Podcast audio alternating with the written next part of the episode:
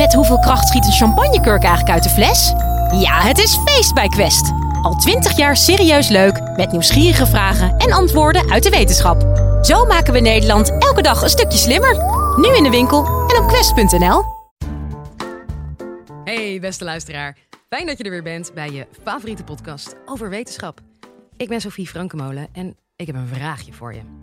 Kijk jij op straat altijd net iets te lang en net iets te verbaasd naar die man met één been? Of bijvoorbeeld naar twee vrouwen die hand in hand lopen? Je doet het waarschijnlijk niet expres, maar het kan heel vervelend zijn voor de personen tegenover je. In dit college vertelt klinisch psycholoog Arjan Bos van de Open Universiteit alles over stigmatisering. Enjoy!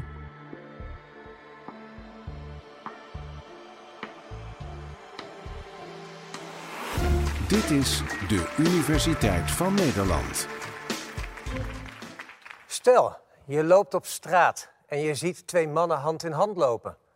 Of je ziet een vrouw zonder been. Of je komt je buurman tegen van wie je weet dat hij een maand geleden een psychose heeft gehad. Wat is je eerste reactie? Loop je er met een boog omheen? Of blijf je uit de buurt? Veel groepen in de maatschappij worden negatief behandeld, zoals bijvoorbeeld homoseksuelen, transgenders of mensen met een psychische aandoening. En als iemand een afwijkend kenmerk heeft wat door de maatschappij als minderwaardig wordt beschouwd, dan noemen we dat stigmatisering. Vaak doen we dat niet expres. Het zit diep geworteld in ons gedrag. Het gebeurt zowel bewust als onbewust. Maar het heeft een enorme impact op het dagelijks leven van mensen met een stigma. De term stigma is afkomstig van de oude Grieken. Zij brandmerkten de slaven en op die manier kon je zien dat de slaven minder waardig waren en vermeden dienden te worden. Tegenwoordig heeft de term stigma een andere betekenis. Het is een negatief, alles overheersend kenmerk. Iemand wordt als afwijkend beschouwd, anders dan normaal, en iemand wordt als minderwaardig beschouwd. Voorbeelden van stigmatiserend gedrag zijn bijvoorbeeld vermijden of het afstand houden, of dat je iemand niet aanneemt bij een sollicitatie, of dat je iemand agressief benadert. Nou, dat zijn allerlei openlijke vormen van stigmatisering, maar soms is het ook subtieler. Dat iemand non-verbaal laat zien dat hij zich niet op zijn gemak voelt bij jou. En dat is heel vervelend. En we moeten niet buitensluiten, en dat weten we. Maar toch gebeurt het vaak, voordat je het doorhebt. Ik wil jullie graag het volgende bekende raadsel voorleggen. Een man en een zoon krijgen een auto-ongeluk. De man overlijdt ter plekke. De zoon gaat onmiddellijk naar het ziekenhuis naar de operatiekamer. De chirurg ziet de jongen en zegt: Ik kan deze jongen niet opereren. Hij is mijn zoon. Hoe kan dit? Veel mensen hebben moeite met het oplossen van dit raadsel vanwege hun stereotype denkbeelden. Vaak realiseren zich, zich pas na enige tijd dat de chirurg de moeder van de jongen is. Stereotype denkbeelden zijn vaak diep ingesleten. Niet alleen bewust, maar vaak ook onbewust. En stigmatisering vindt vaak al in de eerste seconde plaats. Er zijn twee soorten reacties die we kunnen onderscheiden. Ten eerste hebben we de onbewuste automatische reacties en ten tweede de bewuste aanpassingsreacties. Je kunt het bijvoorbeeld zien als een paard en een ruiter. Het paard staat voor de onbewuste reacties en de ruiter staat voor het bewuste aanpassingsgedrag. De ruiter moet het paard temmen om het de goede kant op te laten gaan. Stigmatisering gebeurt in de eerste seconde, zei ik net al. Dus als we kijken naar het automatische gedrag, dan vindt dat vaak onmiddellijk plaats. Heel sterk en daarna zwakt het wat af. Het bewuste gedrag neemt in de loop van de tijd langzaam aan toe. En vaak na enkele seconden realiseren mensen zich pas dat ze helemaal niet moeten stigmatiseren, dat ze dat niet willen. We hebben zelf ook onderzoek gedaan naar onbewuste stigmatiserende reacties. Dat deden we met behulp van virtual reality. Deelnemers deden mee in een virtuele wereld in een ziekenhuis en dachten dat dat een geheugenexperiment was. We hadden hun de opdracht gegeven dat ze moesten onthouden hoe de patiënt heette, wat de naam van de partner was. En dat was een man of een vrouw. En dan konden ze daaruit afleiden of de patiënt homoseksueel was. En ze moesten ook de ziekte onthouden. En dat was of een gebroken been, of kanker, of HIV. En virtual reality is een mooie manier om het gedrag te meten zonder dat men het doorhad. En wat we aan het meten waren, was de afstand die men hield tot de patiënt en ook de snelheid waarmee men de patiënt benaderde. En uit het onderzoek kwam naar voren dat men de meeste afstand hield van de homoseksuele man met HIV. Dat is ook waarschijnlijk de meest stigmatiserende conditie. En ze benaderden patiënten met een gebroken been veel sneller dan uh, patiënten met kanker of HIV. Nou, dit is een hele mooie manier, virtual reality, om die onbewuste stigmatiserende gedragingen te meten. Waarom doen wij dit de medemens aan stigmatiseren? Waarom is het bijna een intuïtieve reactie van mensen? Toch is stigmatisering niet gek, want het heeft ook functies. En in de literatuur worden drie soorten functies onderscheiden. Ten eerste het vermijden van ziekte. Denk maar aan het coronavirus. Je loopt dat virus liever zelf niet op, dus houd je afstand. Maar soms houden we ook ten onrechte afstand, zoals bij HIV, wat niet overdraagbaar is in alledaags contact. Een tweede functie van stigmatiseren is het versterken van de sociale norm. Sociale normen zijn heel belangrijk voor groepen. We willen graag dat iedereen zich naar de groepsnorm gedraagt en daar niet buiten loopt. En als iemand dan gedrag vertoont wat onacceptabel is, dan kunnen we die persoon stigmatiseren. Dan is de boodschap aan de hele groep: hou je aan de normen en zorg dat je binnen de lijnen loopt, want anders kan jou dit ook overkomen. Nou, voorbeelden hiervan zijn bijvoorbeeld crimineel gedrag of alcoholmisbruik. De laatste functie van stigmatisering is overheersen. We willen graag dat de eigen groep het beter doet dan de andere groep. Het is een manier om de andere groep als minderwaardig te laten lijken. En het is ook een manier om de statusverschillen in stand te houden. Een voorbeeld van overheersen is bijvoorbeeld het stigma rondom mensen met een andere culturele achtergrond. Nou, die functies die gaan heel erg terug in de tijd. Vroeger, toen wij bijvoorbeeld op de steppen leefden en moesten overleven, was die sociale verbondenheid heel erg belangrijk. En was het ook belangrijk dat je groep geen ziekte kreeg. Dus toen had het een duidelijke functie. En ook al heeft stigmatisering een functie en gebeurt het vaak onbewust, toch is de impact op het individu enorm.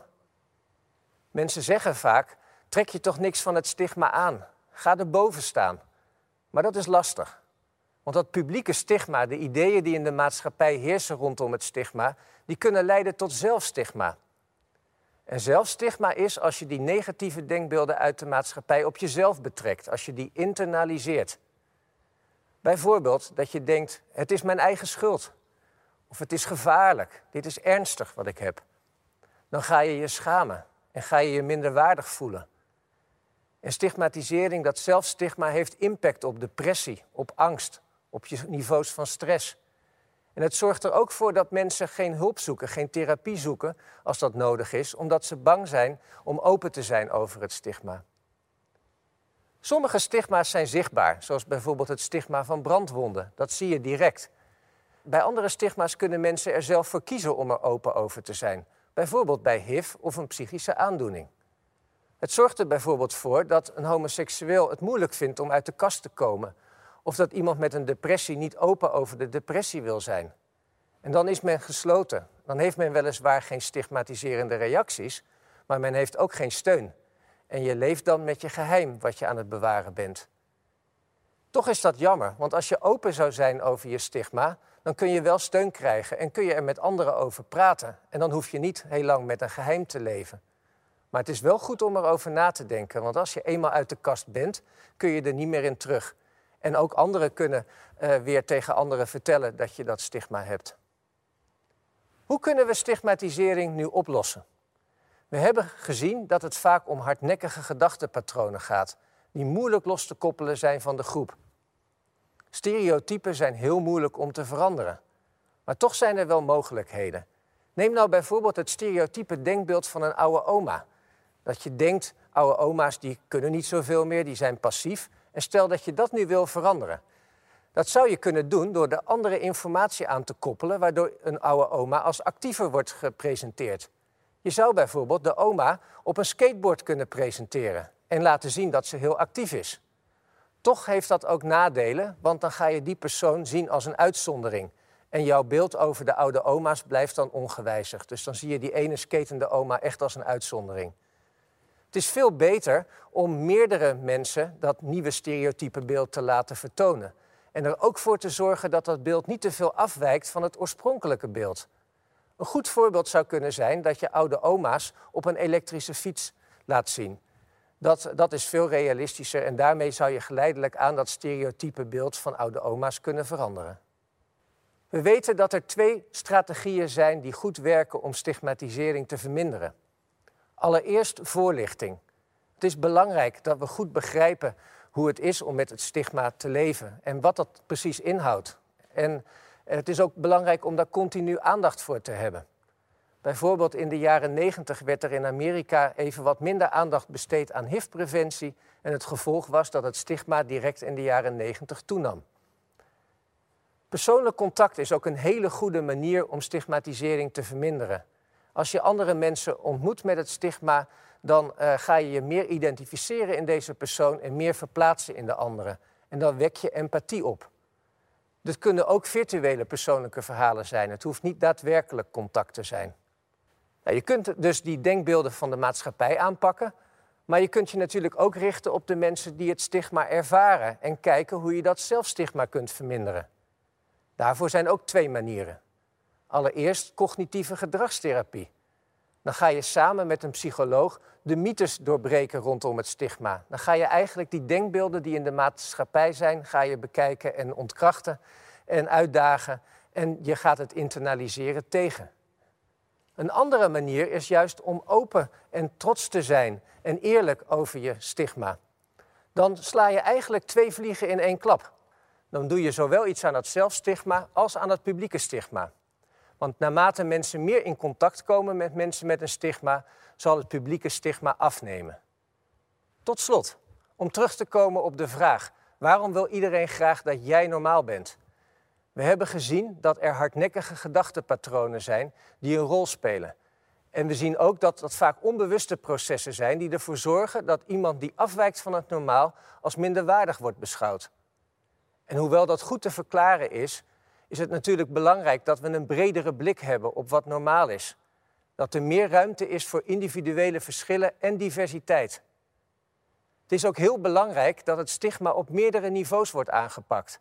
Dat je zowel wat doet aan dat publieke stigma als aan dat zelfstigma.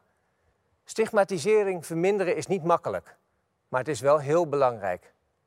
Want als we het stigma aanpakken, is het leven van mensen met een stigma een stuk aangenamer.